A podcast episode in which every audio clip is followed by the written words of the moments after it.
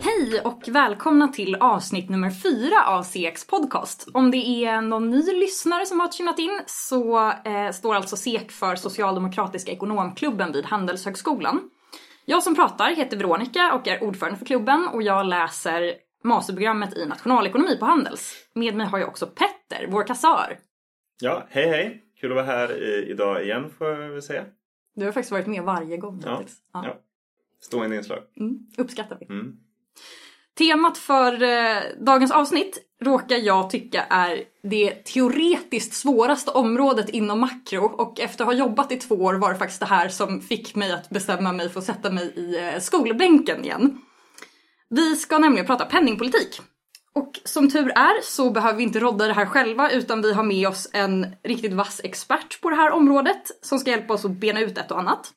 Hon har tidigare varit vice riksbankschef, statssekreterare åt finansminister Magdalena Andersson och är numera verksam som professor i nationalekonomi vid Stockholms universitet. Välkommen Carolina Ekholm! Tack så mycket! Carolina, vill du berätta lite mer om din bakgrund och vad du gör på dagarna? Ja, alltså jag har ju en akademisk bakgrund så att eh, jag är väl ehm, eh, forskare eh, och lärare i botten. Ehm, och mitt forskningsfält var innan jag började förirra mig ut till i myndighetsvärlden eh, så höll jag på och studerade framförallt skulle, man, skulle jag nog säga eh, globalisering och konsekvenser av globalisering, eh, multinationella företag, globala värdekedjor, den typen av fenomen. Men sen så kom jag ju då till Riksbanken 2009. Det var, ska jag väl säga kanske lite efter den här värsta eh, fasen i den globala finanskrisen. Eh, men efter det så har jag väl kanske då kommit att fokusera på lite andra eh, aspekter av ekonomi än det som jag höll på att forska om. Så att nu sysslar jag ju mycket med makroekonomiska frågor och frågor som rör finansiella marknader. Och nu då när jag är tillbaka i den akademiska världen, på, jag är på Stockholms universitet och där undervisar jag om finansiella kriser bland annat. Mm. Vi befinner oss ju faktiskt i en kris just nu. Och det var väl där vi tänkte börja idag också. Eh, för oavsett vilket ämne man diskuterar så är det ju svårt att eh, undgå att fråga hur det påverkas av eh, covid-19. Och givet att Riksbankens verktyg för att påverka ekonomin fungerar genom att öka eller dämpa den ekonomiska aktiviteten. Vad kan Riksbanken egentligen göra när en ekonomisk kris inte beror på en likviditetsbrist utan på restriktioner som ja, oundvikligen leder till ett efterfrågefall? Ja, man kan ju säga att en centralbank har um, lite olika uppgifter men det som man ju först tänker på är ja, att den ska liksom stabilisera den ekonomiska utvecklingen och hålla en stabil inflation och förhoppningsvis genom det också en, en stabil eh, realekonomisk utveckling. Men en centralbank har ju också en viktig funktion eh, när det gäller att eh, stabilisera stökiga finansiella marknader. Och när det gäller responsen till den här covid-19 eller coronakrisen eller covidkrisen vad vi ska kalla den för så skulle jag nog vilja karaktärisera vad Riksbanken har gjort hittills eh, till den typen av åtgärder för att vi är inte nu i ett läge där, man, där det är meningsfullt att försöka stimulera efterfrågan i, i en, ett svagt ekonomiskt läge för som du var inne på Eh, det är svagt därför att eh, ja, folk kan inte gå till jobbet och folk kan liksom inte konsumera riktigt eh, som vanligt. Och det är inget som Riksbanken kan göra någonting åt med hjälp av penningpolitik. Däremot, så det var ju så att när den här coronakrisen eh, bröt ut så blev det väldigt stökigt på finansiella marknader. Och Riksbanken, liksom många andra centralbanker, genomförde då åtgärder för att stabilisera situationen och det tycker jag är helt rätt. att eh, De eh, tryckte ut likviditet i systemet för att undvika att uppstod likviditetsbrist och de var ute på olika marknader för att eh, stabilisera ehm, eh, det som tycktes vara väldigt eh, volatila prisrörelser. Men sen så småningom, eh, när man väl har liksom fått kontroll över själva eh, smittspridningen då blir det ju mer läge för att liksom fundera över vad kan penningpolitik bidra med när det gäller att eh, stödja en återhämtning eh, i ekonomin. En realekonomisk återhämtning. Eh, och eh, då, då blir det ju mer tal om eh, traditionell penningpolitiska, traditionella penningpolitiska stimulanser. Och då kan man väl kanske resa en del frågetecken eh, kring vad utrymmet egentligen är idag. Eh, eftersom räntorna är extremt låga och eh, Eh, Riksbanken, liksom många andra centralbanker, har redan varit ute och köpt på sig en massa tillgångar i, som är ju en del av mer okonventionell penningpolitik. Riksbanken var ju tidigt ute med att erbjuda bankerna de här eh, vid det här laget kända 500 miljarderna eh, till förmånliga villkor då för att öka utlåningen till icke-finansiella företag. Det har ju diskuterats ganska mycket vad, vad, hur verkningsfullt det här blev. Eh, och bankerna kanske inte var så villiga att faktiskt nappa på det här. Men som du ser det, vad, vad tror du är flaskhalsen i det här? Ja, alltså när man går, jag tycker att det är helt rätt att man, det här var ju ett sätt att eh, liksom ändå försöka understödja kreditgivning i en situation där det var ju uppenbart att eh, det kunde Eh, uppstå eh, en hel del friktioner när det gäller det. Eh, men det är klart att ur bankernas synvinkel så de, de gör ju liksom kreditprövningar så ur deras synvinkel så är ju det centrala vad de tror om lönsamheten framöver för de här företagen. Och tror inte de att de här företagen riktigt kan överleva en kris så har ju inte de någon anledning att utöka sin eh, eh, utlåning till dem. Eh, även om Riksbanken gör det väldigt liksom osedvanligt billigt för dem. Så det är väl, jag menar, en sån, om man nu ska kalla det för flaskhals. Men jag tycker också att det är rimligt att man försöker gå via bankerna när det gäller att se till att företagen kan få tag på billiga krediter i ett sånt här läge. Just därför att bankerna är de som har bäst information om eh, utsikterna för de här företagen och är de som är mest väl lämpade att genomföra kreditprövningar. Det är ju inte något som någon statlig myndighet kan göra i någon, någon, på något bra sätt och Riksbanken har inte heller eh, de resurserna eller den kompetensen. Eh, Sen har det ju, det där var ju liksom en del i det liksom bredare paketet där man försökte stödja företag som drabbades hårt och även eh, regeringen och riksdag beslutar ju också om olika åtgärder som syftar till att eh, se till att det, fanns, att, det, att det fanns tillgång till billiga krediter och andra typer av stöd då, som här korttidsarbete och så vidare. För att återkoppla till, till det du nämnde förut, det här med att uppdraget att, att um, lugna ner de eh, stundtals oroliga finansiella marknaderna. Då, så, såg jag idag att, att amerikanska Federal Reserve har, inte riktigt men nästan dubblerat sin balansräkning eh, nu i förhållande till före covid. Vad har Riksbanken gjort på den fronten om man nu ser på mer de finansiella marknaderna? Alltså, um, ja, Federal Reserve har um de har ju gjort väldigt exceptionella åtgärder. Mm. Um, så att de har ju, ska, så skulle man nog beskriva att de har gått betydligt längre än vad Riksbanken har gjort. Och Riksbanken är ju ändå liksom en del av, här, Riksbankens ramverk är ju ändå präglat av att det är, är en centralbank inom EU. Så att eh, liksom traditionen eller det som är nästan eller som är inskrivet i fördraget i princip. Det är ju det som också präglar ECB. Att man, man har ett väldigt starkt oberoende men, men också ett rätt så liksom insnävat och, och tydligt mandat. Riktigt så är det ju inte med Federal Reserve och en del andra centralbanker, Bank of England, Bank of Japan. Eh, och det där kan ju påverka eh, vilken typ av åtgärder man tar till. Men många är ju väldigt kritiska till att Federal Reserve de har ju liksom gått in på många olika marknader eh, och och köper allt möjligt. Och det är uppenbart att det görs i väldigt stor utsträckning för att det finns ett önskemål om det. Mm.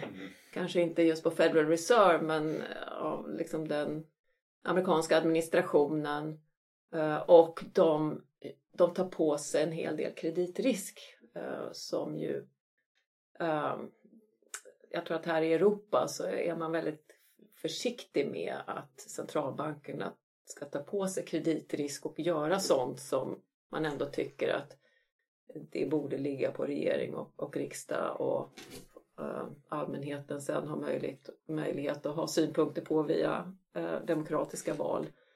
Uh, men det där är ju lite olika modeller i olika länder. Mm. Jag tänker där också att hur um hur, vad ska man säga, hur mycket risk som en centralbank behöver ta på sig en sån här kris, eh, hur eh, liksom, breda deras åtgärder behöver vara beror väl kanske också lite på hur pass stor draghjälp man får av finanspolitiken. Ja, det här är ju en... Alltså, det skulle jag nog säga att finanspolitiken har ju en, en, en liksom, har ju, har ju stor betydelse för när centralbanken ska bestämma sig för hur expansiv eller åtstramande penningpolitiken ska vara. Ska vara. Men här är det ju liksom frågan om någonting annat egentligen. Att man, det, det uppstår en situation där det, det, upp, det, blir väldigt mycket osäkerhet och, och, på finansiella marknader så reagerar, det blir liksom extrema reaktioner och Eh, folk flyr olika typer av tillgångar och det blir väldigt stökigt och då går centralbanken in och tar på sig den risk som andra flyr från. Ehm, och det är klart att centralbanken är ju en del av den liksom konsoliderade staten så att och det är ju inte fel att det offentliga går in och tar på sig risk när de här privata aktörerna eh, av olika skäl får panik och liksom absolut inte vill bara göra sig av med tillgångar fastän eh, det kanske inte på lång sikt egentligen eh, finns skäl för det. Det kan ju vara motiverat att det offentliga då går in och, och tar över den risken som den privata sektorn helt plötsligt då absolut inte vill ha. Eh, men, då är, men det är ju fortfarande frågan, ska det vara centralbanken? För eh, jag tror att modellen i, i, inom EU i alla fall är ju att man försöker skilja ut centralbanken från den övriga staten och göra den till en, liksom en egen liten enhet för att den ska kunna agera oberoende. Men om den blir liksom en del av det hela och tar på sig risker som i slutändan måste man ju ändå, det blir ju liksom skattebetalarna som betalar i slutändan hur man än beter sig. Eh, då på något sätt, om, jag menar, då blir det ju ändå eh, upplagt för att man ska ifrågasätta den modellen. Varför har vi då skapat den här helt oberoende institutionen om den är bara egentligen en del av det hela och nu är det liksom ja, eh, får staten, eller så, här, så får regering och riksdag skjuta till massa pengar därför att nu har förlusterna blivit så stora så måste man kanske till och med överväga att kapitalisera upp eh, landets centralbank. Nu kan ju en centralbank egentligen eh, vara verksam och en centralbank kan bedriva penningpolitik även om de gör liksom stora förluster på den här typen av aktiviteter och förlorar mycket av sitt egna kapital. Ehm, men ehm, ofta så tycker de att det är väldigt eh, plågsamt och tycker att det ändå eh, har en negativ inverkan på deras eh, trovärdighet. Och får man liksom den typen av relation mellan centralbank och regering och riksdag då, ja, då, då tror jag att det här oberoendet ändå är, det riskerar att bli ifrågasatt. Mm.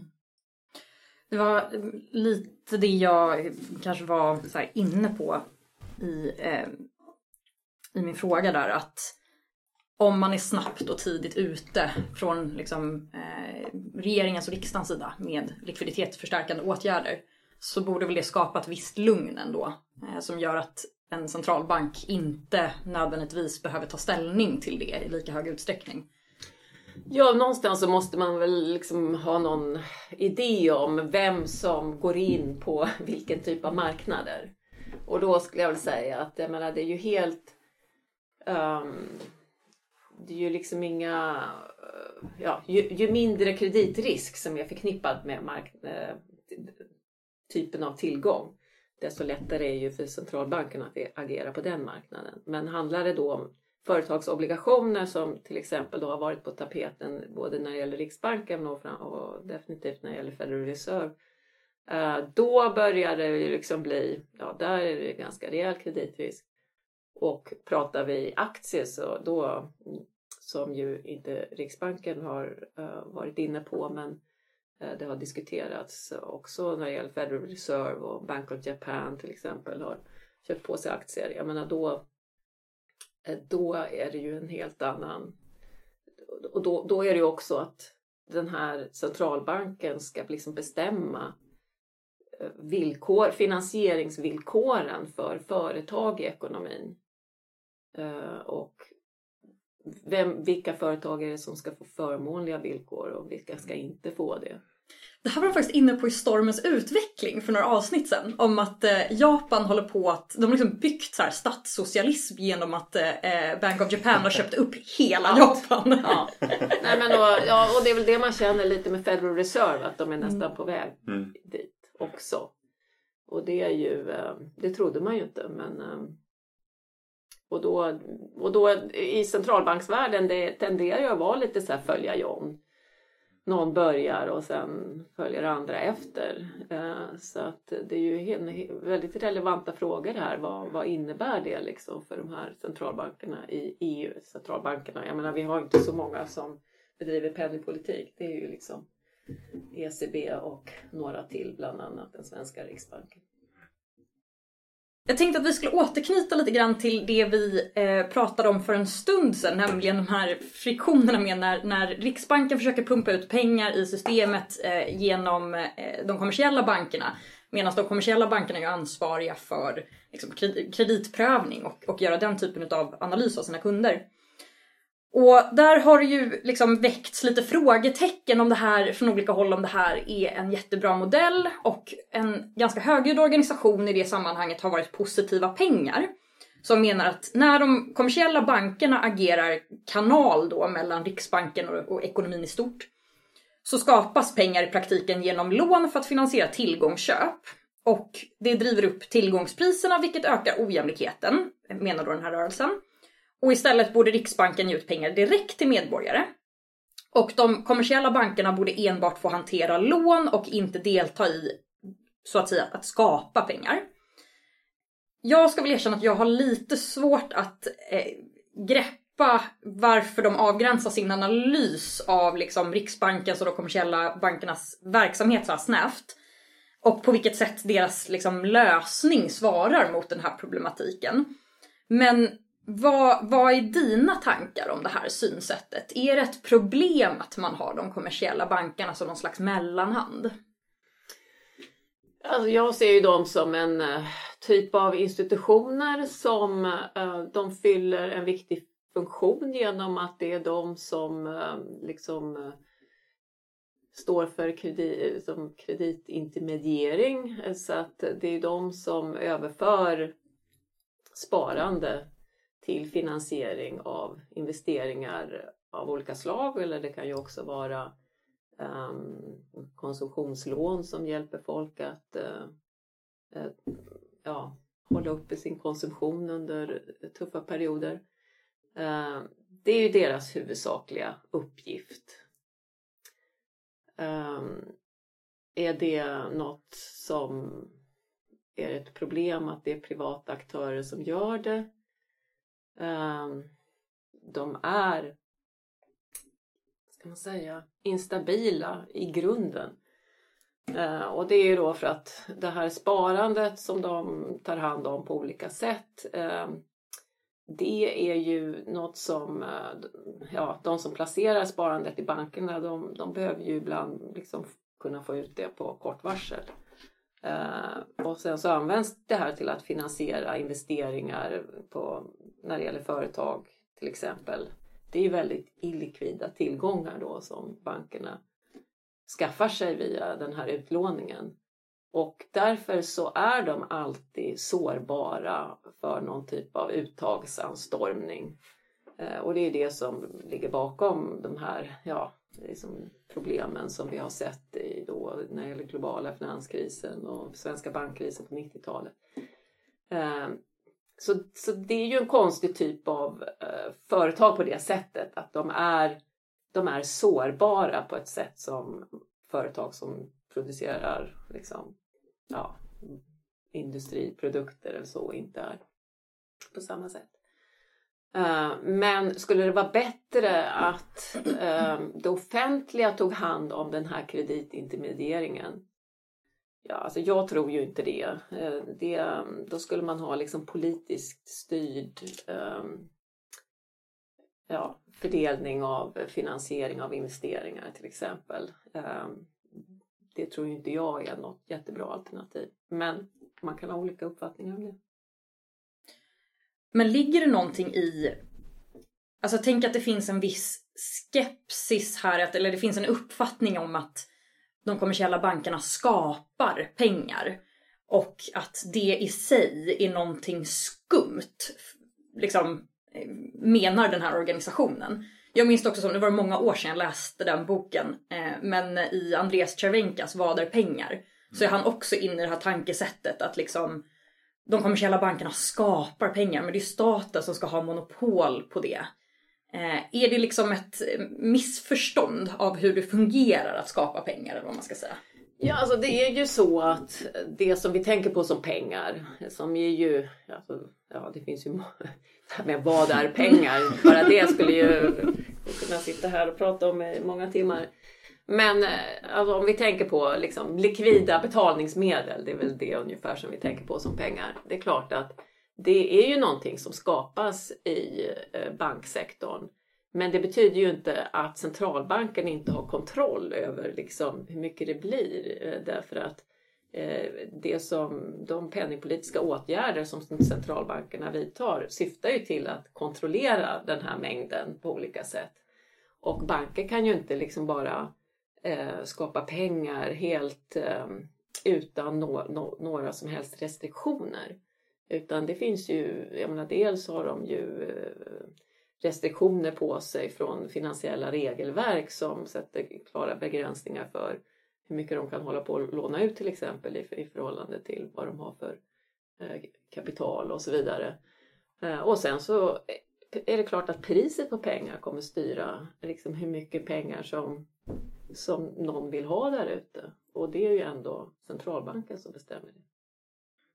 Får se om vi får klippa bort det här. Men gud vad jag blev lättad nu. För att när jag har liksom fått förfrågningar om underlag på det här är det här exakt vad jag har skrivit och sen har jag liksom bett en liten bön om att det här är ett korrekt svar i en debatt. och så har jag gått runt här och oroat mig i två år sedan valrörelsen 2018 om det här var rätt. Ja, det är inte helt lätt alltså. Man får lära sig någon sak på grundkursen och sen liksom hör man något annat ju längre upp man kommer. Och så, så här, Ja, Men jag, det, det, finns en, om du är intresserad, alltså det finns en ganska bra skrift från Bank of England mm, där de går igenom mm. det där. Ja, det, det, det, är det som jag själv brukar ge studenterna mm. för att det är ju liksom en väldigt pedagogisk förklaring om hur det går till när pengar skapas och, och vilka restriktioner det är som Jättebra tips! Mm. Det kanske vi får länka till det här avsnittet då för de som är lite extra nyfikna. Mm.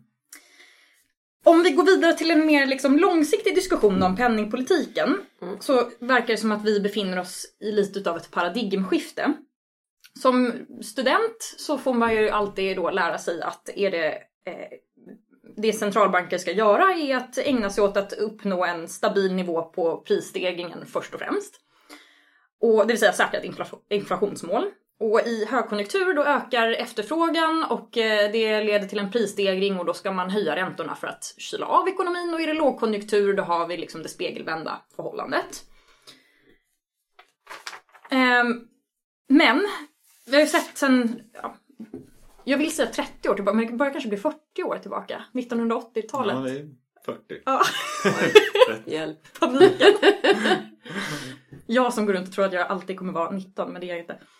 Eh, så har vi, har vi sett att eh, realräntorna successivt har sjunkit världen över. Och efter finanskrisen så verkar ju inte det här sambandet mellan räntan och inflationen som vi liksom lär oss i skolbänken verkar inte riktigt hålla. Eh, världen över så har vi haft låga och i vissa fall som i Sverige negativa räntor.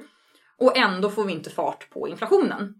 Och det finns lite olika teorier om varför det ser ut så här och vi tänkte att du skulle få bena ut dem för oss och hur de hänger ihop. Så till att börja med, varför tror du att vi inte lyckas få fart på inflationen trots de här låga räntorna? Ja, det här är en ganska svår fråga för att jag menar det är inte så att eh, jag sitter inne med eh, det sanna svaret på den här frågan utan eh, jag menar jag kan ju återge några olika hypoteser som finns där ute men eh, visst, jag menar det är klart den penningpolitik som även, jag menar som, som jag förväntade mig att jag skulle vara med och bedriva när jag kom till Riksbanken den var ju riggad utifrån att det svåra var ju att liksom hålla ner inflationen och eh, undvika att den stack iväg. Men eh, under hela den tiden, äh, sen jag kom till Riksbanken då 2009 så har ju problemet snarast varit det motsatta. Att det har handlat om att undvika att eh, hamna i deflation. Eh, och det är lite pinsamma i att hela tiden ligga under inflationsmålet och oron att inflationsförväntningarna börjar falla så att det blir liksom helt omöjligt att, att, att komma tillbaka till inflationsmålet. Men jag tror ju att eh, alltså, eftersom det här, jag tror att man får, man får väl dels försöka fundera över vad finns det specifika svenska problem och sen eh, Eh, finns det mer generella problem. Så för som du var inne på, det här är ju ett ett generellt problem, alltså att åtminstone i många avancerade ekonomier så kämpar man med att få upp inflationen snarare än ner. Eh, och där tror jag att det finns mer strukturella faktorer som, som har gjort just att eh, den ränta som krävs bara för att hålla saker, liksom, eh, att låta hjulen snurra i, i, i normal takt, att den har fallit. Och det finns många olika hypoteser om varför det skulle kunna vara på det sättet. Att det kan handla om demografiska förändringar som gör att det är liksom ett eh, överskott på sparande kan man säga. Åtminstone liksom väldigt mycket sparande i förhållande till vad det finns för intresse av att använda sparande för att finansiera investeringar. Det kan vara också liksom att den här mer underliggande tillväxttakten har fallit eller att utsikterna för um, ja, investeringsprojekt med hög avkastning um, ser sämre ut uh, av olika skäl eller att, att, liksom att folk har blivit mer pessimistiska kanske också. Jag menar, den här globala finanskrisen kom ju lite som en chock för många uh, Eh, och inte minst liksom folk så inom finansiella sektorn som sitter och investerar pengar. Ehm, det har väl också satt sina avtryck så det kan finnas många olika skäl till varför eh, den här räntan då som krävs för att eh, ja, ha någon slags mer normal aktivitetsnivå i, i, ekonomin har fallit. Och för centralbankerna för att liksom få någon slags extra skjuts. Om man är i ett svagt läge så då är det ju liksom centralbankens, jag menar hela idén bakom den penningpolitik som bedrivs det är ju då att ja, men, i ett svagt läge där det finns mycket lediga resurser, jag menar då, då vill vi liksom trycka ner räntan så att den, Eh, så att den hamnar så lågt så att eh, man får liksom lite extra skjuts och det blir liksom lite extra intresse av att eh, investera och eh, konsumera och att det leder till ett högre efterfrågetryck i ekonomin. Eh, men då måste man ju liksom under den där räntan då som bara krävs för att det ska eh, ja, driva på ungefär som vanligt. Och det, blir, det är inte så lätt när den räntan, som många skattningar som finns där ute i forskningslitteraturen, är, är, då, då handlar det om en negativ ränta.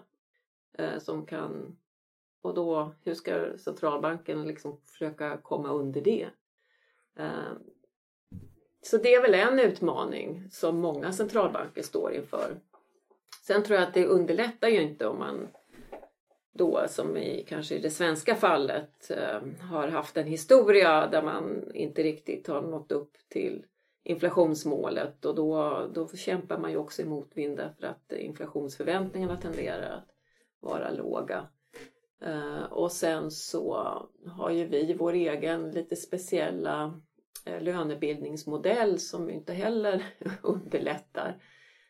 Där ja, industrin är, är, sätter märket och av någon anledning så vill ju de aldrig riktigt ta in eh, såna här växelkursförändringar och så utan de tittar på liksom vad är, hur mycket stiger lönerna i Tyskland och andra relevanta eh, konkurrentländer eller länder som vi handlar mycket med eh, och har det som utgångspunkt och sen så ska alla andra förhålla sig till det och i en sån värld blir det ju också svårt att få tillräckligt höga löneökningar för att det skulle liksom kanske kompensera då för att eh, man får in ganska låga prisökningar utifrån via importen. Finns det någon plattform för dialog mellan Riksbanken, Riksbanken och parterna om det här? Alltså någon, eh, någon eh, formaliserad plattform finns ju inte men eh, det här, både parterna och Riksbanken kommunicerar ju via, via media och andra typer av kommunikationsplattformar. Så att som man kan nog... välja att ignorera. Ja, absolut. Och Riksbanken de, de förbehåller sig nog rätten att ignorera vad alla, alla säger till dem. Jag menar, det, står ju i, det råder ju instruktionsförbud för direktionen som jag ju vet eftersom jag har varit en del av den. Så att, eh, Eh, de eh, får inte lyssna allt för mycket på vad andra säger. Men de kan ju absolut lyssna och ta till sig och de kan ju vara ute och prata och det, det görs ju hela tiden i tal och i intervjuer så att de har väl också gjort sin ehm, uppfattning känd. Eh, så att det här har ju varit en diskussion som de ju också har fört i viss mån publik. En sak apropå det här du säger om att det är ett, en, en stor mängd sparande som kanske inte har så lätt att hitta så mycket gynnsamma investeringar. Eh, samtidigt så, så har vi ju under senaste jag vet inte, 30 åren haft en väldigt så explosiv teknisk utveckling. I alla fall liksom på, många, på många fronter. Eh, men hur kan man förstå det givet att nya tekniska innovationer liksom, historiskt i alla fall har gett upphov till en del liksom, nya ja. fält att, att investera i? Alltså jag är ingen, nu finns det ju, jag menar en hypotes som finns där ute är att um, Eh, det inte finns så mycket nya tillväxtgenererande innovationer mm. kvar. Jag menar, jag är ingen vän av den typen av hypotes. Det, det tror jag själv inte riktigt på. Eh, men ja, varför?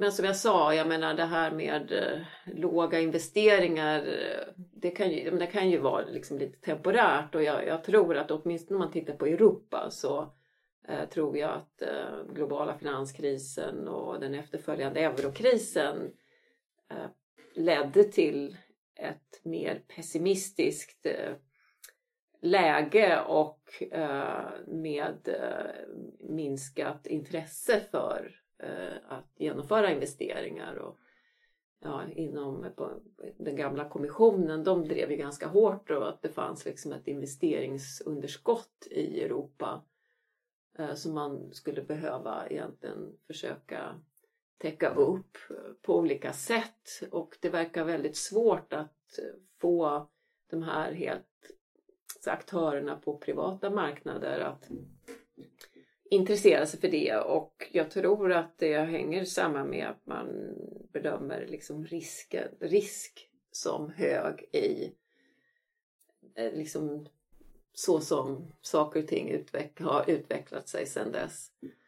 Uh, och sen så görs det ju liksom försök då att ja, kan, kan det offentliga på något sätt lyfta av lite risk och få liksom, understödja investeringar på det sättet. Ehm, många sådana initiativ har liksom genomförts under senare år. Men det kanske inte räcker helt enkelt. Mm. De här strukturella faktorerna som, som vi har diskuterat här, eh, anser du att de är tillräckliga för att förklara varför vi inte har lyckats få upp inflationen? Och vad skulle det kunna finnas för förklaringar som kanske inte hör till de strukturella? I penningpolitikens sätt att fungera eller du är inne på inflationsförväntningar. Det, man kan väl kanske säga om, det är en strukturell faktor eller inte. Det vet jag inte vad, hur man benämner det. Men finns, det något, ja. finns det något Nej men inflationsförväntningar är väl sånt att när man väl, när de, när de väl har börjat driva neråt så ja då, då äh, blir det ju liksom då krävs det ju mer för att man ska få upp inflationen igen och ja, jag tror kanske att om vi tittar på ECB och i viss mån Riksbanken tidigare att det faktum att man absolut inte verkar vilja tolerera inflation över målet men verkar inte då ha, ha så stora problem med att tolerera inflation under målet kan ju ha eh, bidragit till att uh, få inflationen att liksom lite driva ner. ECB har ju liksom ex, deras inflationsmål är ju då explicit formulerat på det sättet. Från början så var det ju bara att det skulle vara under 2% och sen i något läge när de insåg att det var, oh det var inte det som var problemet så, så äh, la de till att det skulle vara under men nära. Mm. Eh, och när jag var på Riksbanken då, då var det ju som att vi hade ju liksom hamnat under målet och sen försökte vi ju liksom hela tiden då att nå upp till det men underifrån bara liksom precis uppnå det. Och vi hade ju sådana diskussioner om att leder inte det här till ett väldigt asymmetriskt eh, sätt att se på målet och det här och den diskussionen har man haft på, på flera olika centralbanker och jag tror att numera så är det liksom lite mer um, utbrett att man, man försöker kommunicera kring målet på ett mer symmetriskt sätt. Att har man varit under målet ett, ett bra tag så då får man också uh, tänka sig att man kommer uh, kunna vara över målet ett bra tag. Mm. Och det är inget konstigt med det. Jag har själv tyckt att man det, kunde vara en fördel om man omformulerade inflationsmålet till att man ska uppnå det i genomsnitt eh, över en eh, lite längre tidsperiod. Eh, det är inte så det är formulerat idag. Utan typ som överskottsmålet? Uh, ja, precis. Mm. Men som det är nu så då är liksom bygons are bygons. Liksom. Att det, man ska hela tiden bara sikta framåt. Du var lite inne på det Petter i din fråga där med, med penningpolitikens funktionssätt. Eh, jag har inte kunnat släppa det här sen jag läste det nämligen. Eh, det var en artikel i The Guardian från 2015 som eh, där eh, Nouriel Rubini som är professor i nationalekonomi som varit verksam vid IMF, Fed och Världsbanken bland annat skrev så här. The inability of unconventional monetary policies to prevent outright deflation partly reflects the fact that such policies seek to weaken the currency, thereby improving net exports and increasing inflation. This, however, is a zero sum game that merely exports deflation and recession to other economies. Och det här var egentligen bara en passage i en artikel som behandlade varför den ekonomiska politiken som helhet inte hade fungerat efter finanskrisen. Men jag hajade till lite grann på det här för att eh, det, det han pratar om här låter för mig som, som valutakrig. Och det är ju någonting som man annars liksom har diskuterat när det gäller devalvering. Alltså när Sverige gjorde den här superdevalveringen på 16% var 83.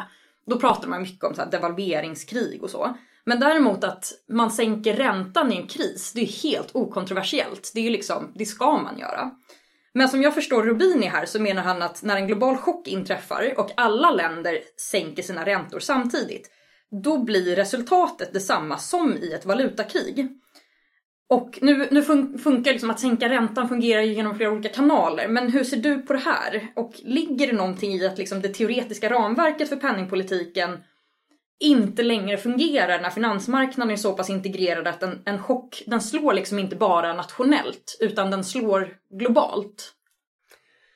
Alltså jag tror i och för sig att han har fel i det här för att um, det är ju ändå så att, jag menar säga att um, många länder samtidigt då försöker stimulera sina ekonomier genom att sänka sina räntor och, och ja då blir ju liksom penningpolitiken ändå mer expansiv överallt.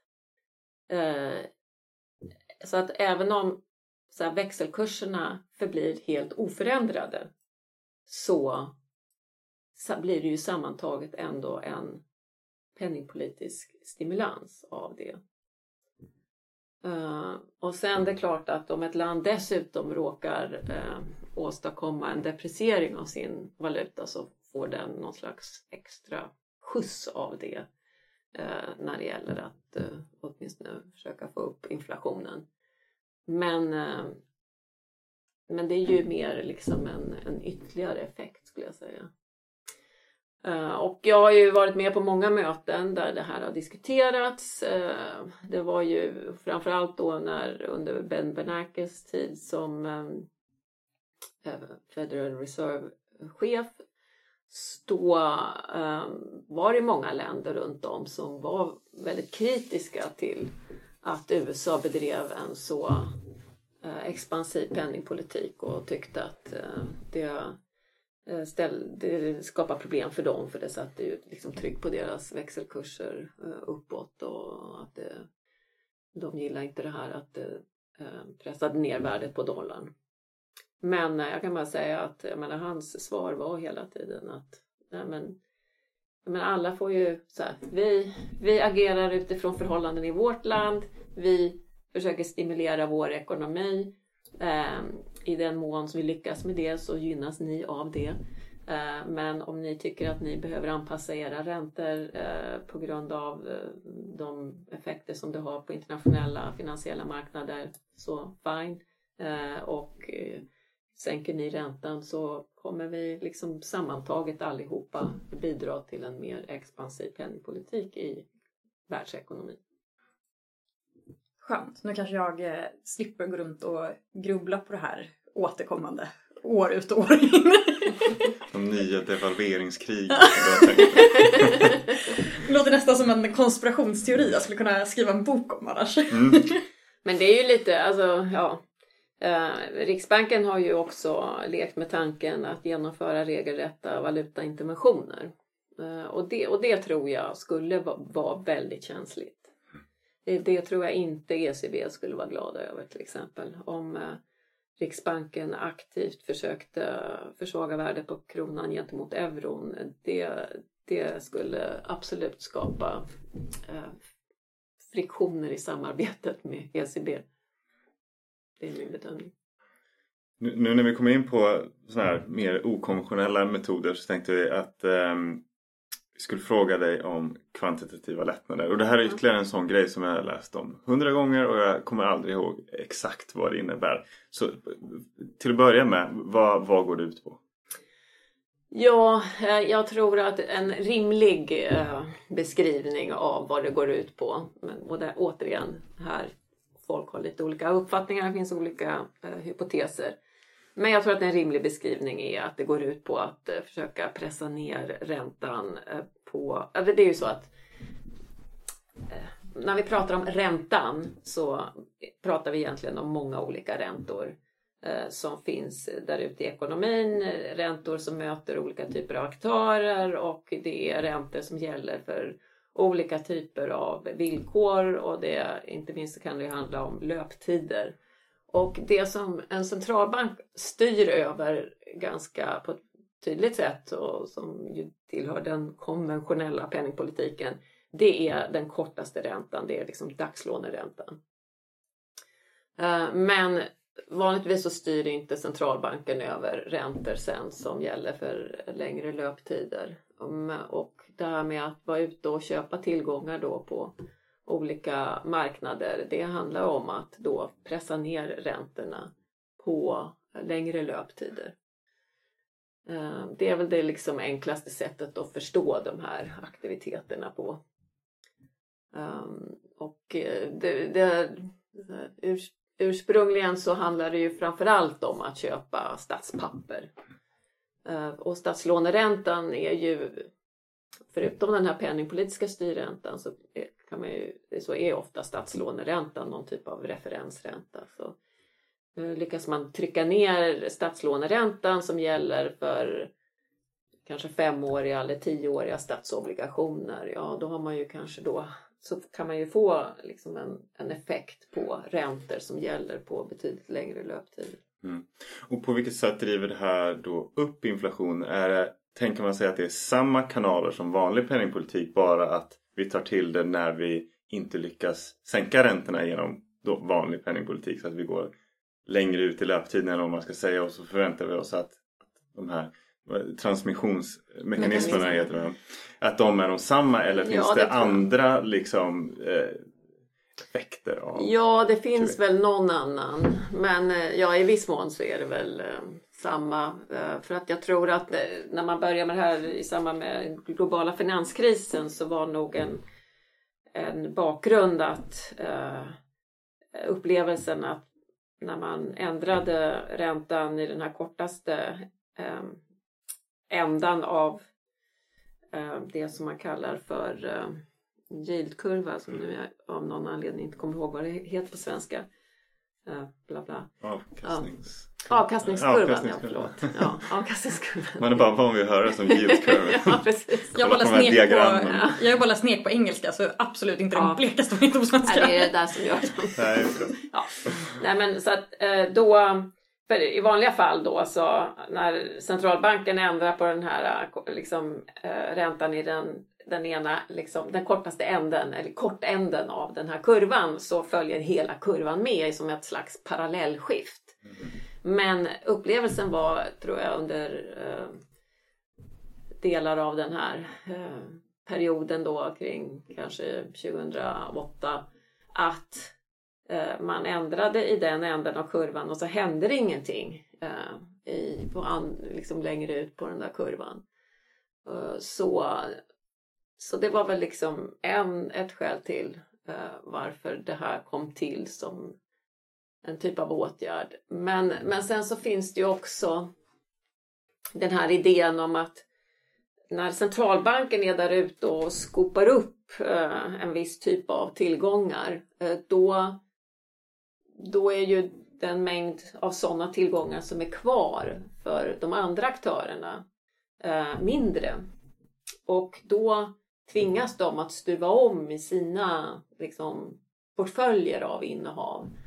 Och då måste de hitta något substitut. Så om centralbanken är där ute och skopar upp massa statspapper Uh, ja, då olika investerare och då, då måste de liksom hitta på några andra typer av tillgångar och då är väl liksom, finns det någon idé om att ja, men då kanske de ändå uh, plockar på sig uh, tillgångar som har mer risk. Mm -hmm.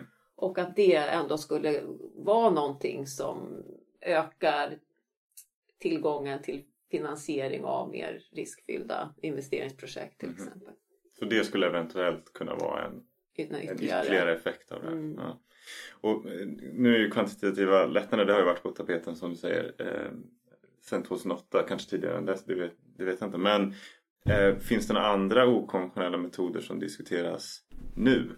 Du nämnde det här med valuta, interventioner och men finns det någon vad skulle kunna vara nästa steg om det här nu kanske inte visar sig hjälpa i nästa? Ja, jag skulle nog säga att det mest extrema skulle väl vara om centralbankerna är ute och köper aktier till exempel. Ja. Det, det, upplever jag, det skulle jag väl betrakta som, och det har ju förekommit, uh, men som en ganska extrem åtgärd.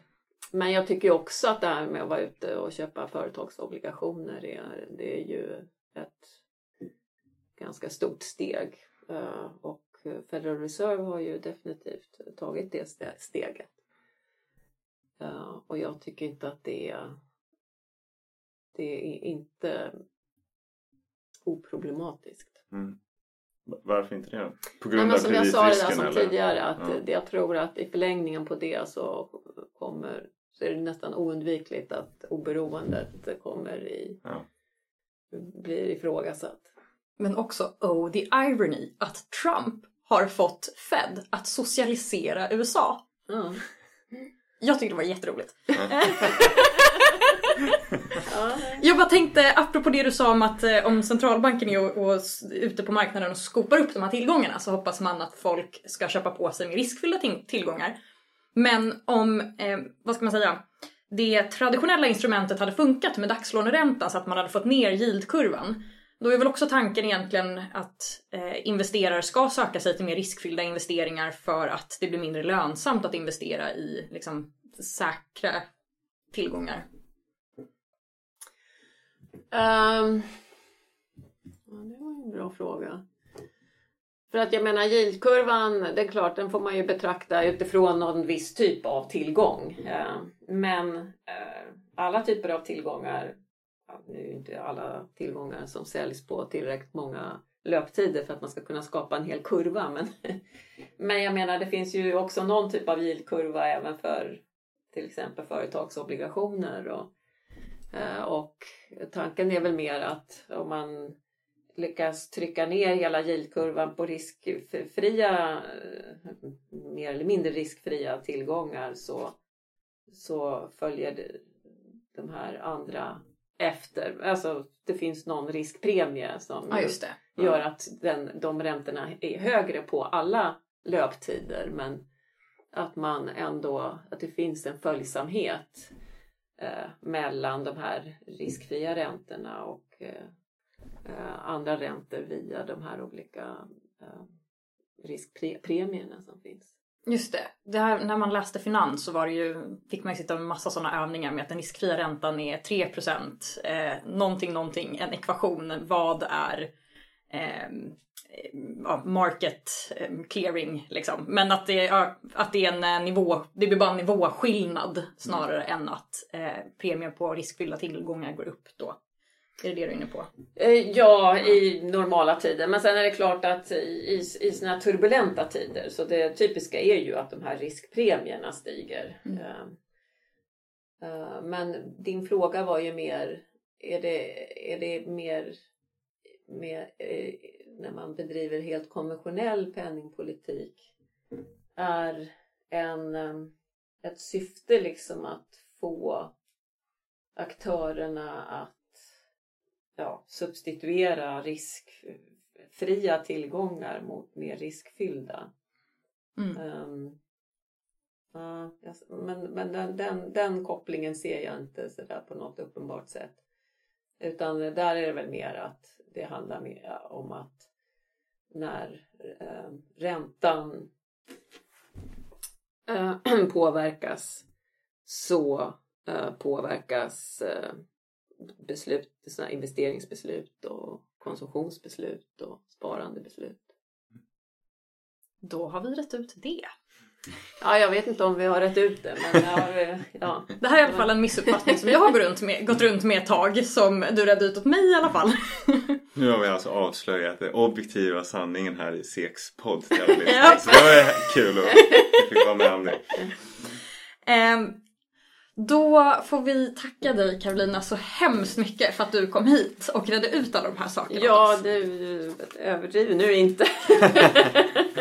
Men vi kanske är förvirrade på en eh, högre nivå. Men jag tycker att eh, det är viktigt också att poängtera att de här frågorna som vi har diskuterat, det är ju sådana frågor som att det finns inte några tydliga svar och några tydliga sanningar utan det här är liksom eh, svåra frågor som många människor lägger pannorna i djupa veck över runt om här.